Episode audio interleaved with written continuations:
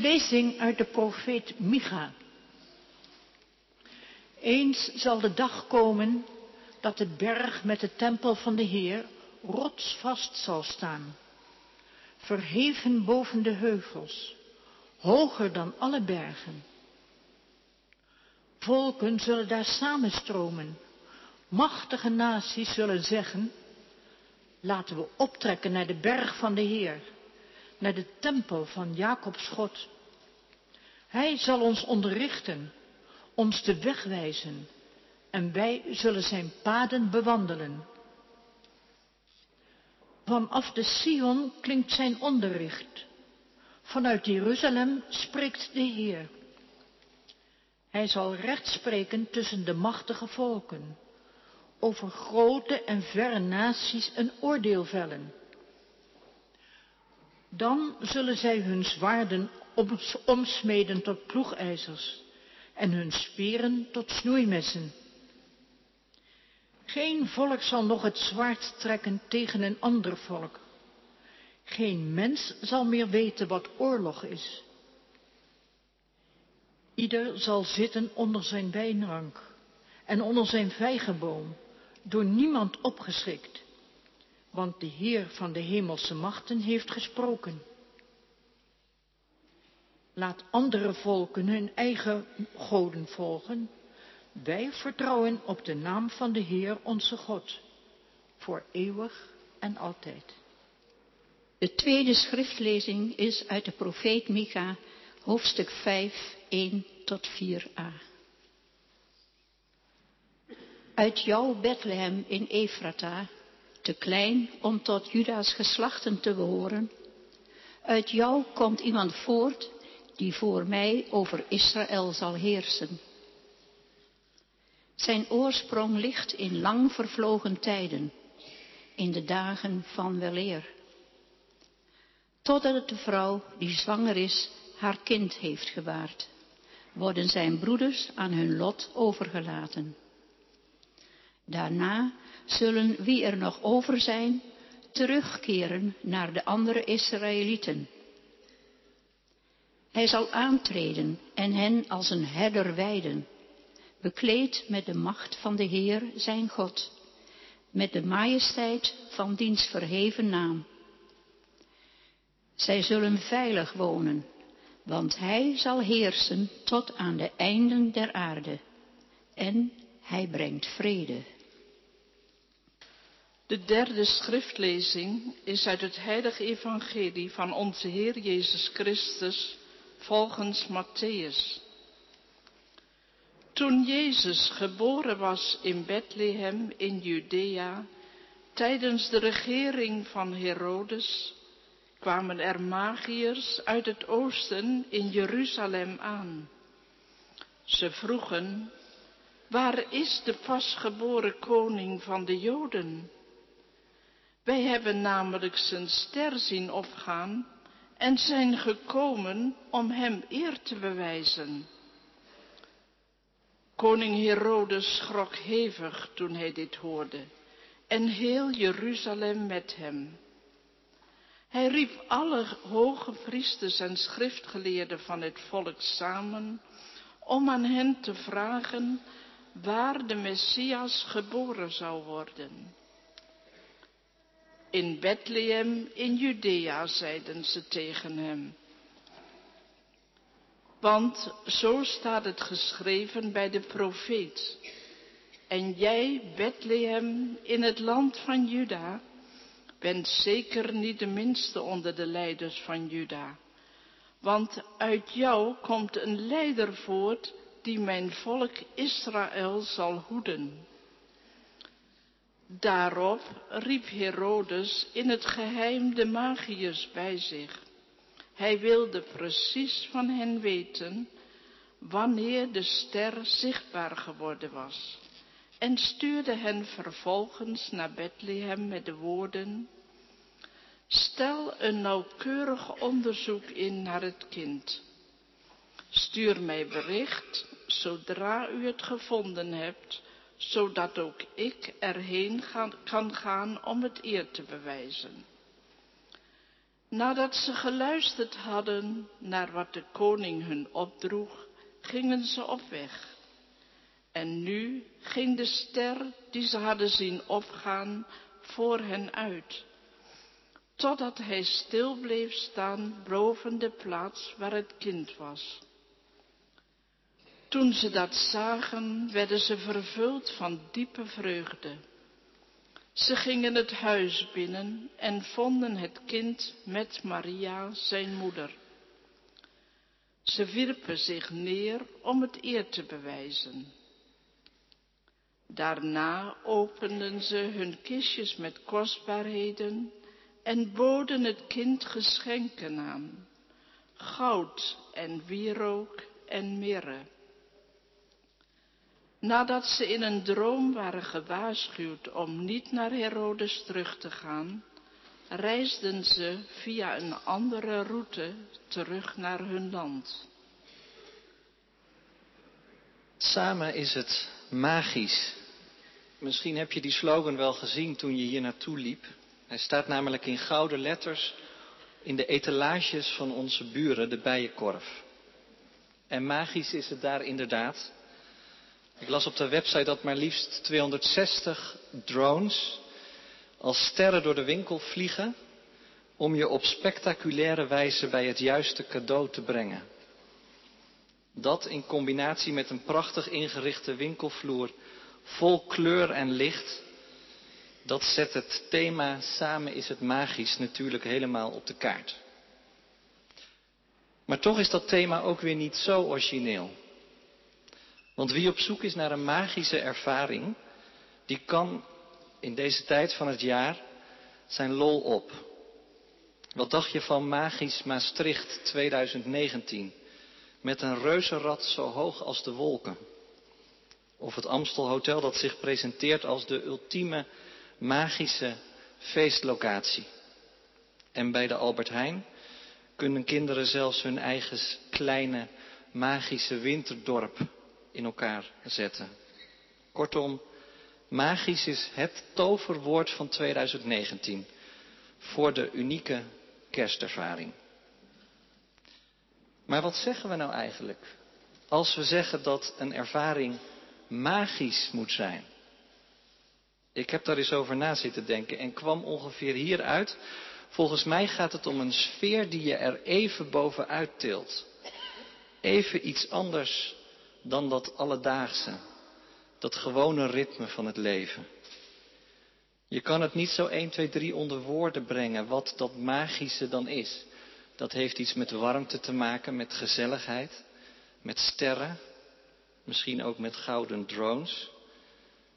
In ieder geval, het is even hemel op aarde als het magisch wordt.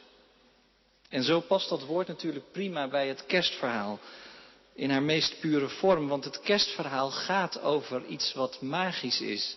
Gaat over de hemel op aarde, over de hemel die de aarde raakt, daar in Bethlehem. En om erachter te komen wat dat nou precies betekent, gaan we nog eens goed kijken naar die laatste lezing over de wijzen uit het oosten, of beter gezegd, de magiërs uit het oosten. Want zo staat het letterlijk in de Griekse tekst. Als meteoren komen ze het kerstverhaal binnen. Ze zijn er heel even en dan zijn ze ook zomaar weer weg. Het waren sterrenkijkers die nachtenlang naar de hemel zaten te turen. Ik stel me voor dat ze er een stijve nek van gekregen hebben. Totdat er ineens een ster is die beweegt. Ze zien een ster en hun ogen volgen de ster en hun blikrichting gaat van verticaal naar horizontaal. En ineens ontstaat er een weg en die weg die gaan ze volgen. Ze gaan er op uit. Opmerkelijk eigenlijk, want wat wisten ze nou van die ster? Ze wisten alles van hoe de sterren ten opzichte van elkaar horen te staan en van het stelsel. Daar haalden ze hun zekerheid uit. En dan is er ineens dat ingrijpen van de andere kant. Een ster die opkwam, die er ineens is. En het prikkelt hun nieuwsgierigheid. Dat is opmerkelijk. Want ze hadden hem ook weg kunnen redeneren. Maar dat doen ze niet. Ze kiezen ervoor om op reis te gaan. De ster achterna. Dat is blijkbaar wat er gebeurt als de hemel heel even aan de aarde raakt. Het prikkelt je nieuwsgierigheid. En je gaat op weg. Maar er gebeurt nog meer. Daar kom je achter als je het verhaal doorleest. Want als ze in Jeruzalem aankomen, dan blijkt dat raken van de hemel aan de aarde ook veel weerstand op te roepen. Dingen gaan schuren. Misschien heb je het wel gelezen. Ergens aan de grens tussen Amerika en Mexico is een hele bijzondere kerststal gebouwd. Je ziet er drie kooien. Een kooi voor Jezus en een kooi voor Maria en een kooi voor Jozef. Met prikkeldraad omwikkeld. Is dat magisch? Nou, die kerststal die wil een spiegel zijn. Zo staat het ook in de toelichting ervan. Wat als zij, Maria, Jozef en Jezus, vandaag aan onze grenzen hadden gestaan? En je wilt niet weten hoeveel weerstand die kerststal oproept in de VS. Hoe kun je dat magische verhaal van kerst nou misbruiken voor een politieke boodschap? Maar draai het eens om. Hoe kun je nu samen het kerstfeest vieren zonder je druk te maken om de duisternis, de ellende en de misère in de rest van de wereld? Samen is het magisch, zeker. Maar bedenk je wel dat samen verder reikt dan de kring van je gezin of je familie? Samen gaat verder dan je eigen bubbel? Neem koning Herodes. Die dacht alleen aan zijn eigen koninkrijk. Als hij de wijze gehoord heeft, dan breekt er blinde paniek uit in Jeruzalem. Een koning geboren, dat kan niet, want, want dan zijn er twee koningen en dan is er een koning te veel. Hij wil het naadje van de kous weten, roept alle priesters en schriftgeleerden erbij, de boekenwurmen en de mensen van de kleine lettertjes. Ze hebben geen stijve nek van het naar boven kijken, maar van het met hun neus in de boeken zitten. Ze wonen in de oude teksten van Israël, maar heel opmerkelijk, ze geloven er niet in. Al die profetieën, onrecht dat recht getrokken zal worden. Over zwaarden die omgesmeed worden tot ploegijzers. Samen is het magisch. Het staat er bij Micha. Maar wat is er eigenlijk magisch aan een groep priesters die zulke visioenen uit het hoofd kan opzeggen, maar de betekenis ervan links laat liggen? Zie je? Jeruzalem is in dit verhaal een spiegel. En het laat zien dat het gaat schuren als de hemel aan de aarde raakt. En als er dingen blootgelegd worden, dan is het niet per se prettig of gezellig. Maar dan is het kerstverhaal een verhaal dat schuurt en botst en provoceert. Ik weet niet of het je opviel bij het lezen, maar, maar precies als die wijzen daar in Jeruzalem zijn, dan is de ster weg. Alsof die ster verduisterd wordt door het onverschillige machtsmisbruik van een koning. En de machteloze onverschilligheid van die priesters. En pas als die magiërs opnieuw op pad gaan, verschijnt die ster weer aan de hemel en komt die weer op. En die geeft hen grote vreugde. En hij brengt hen bij hun einddoel. Bij iemand die boven alle onverschilligheid en boven alle machten uitstijgt.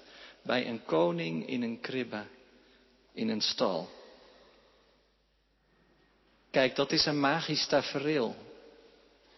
Daar staan ze inderdaad samen. Een vader en een moeder en een baby uit het hoge noorden naar Bethlehem gekomen. Een groep herders uit de onderklasse. En dan die magiërs uit het verre oosten. Eén voor één knielen ze voor het kind neer en geven hem goud, wierook en mirre.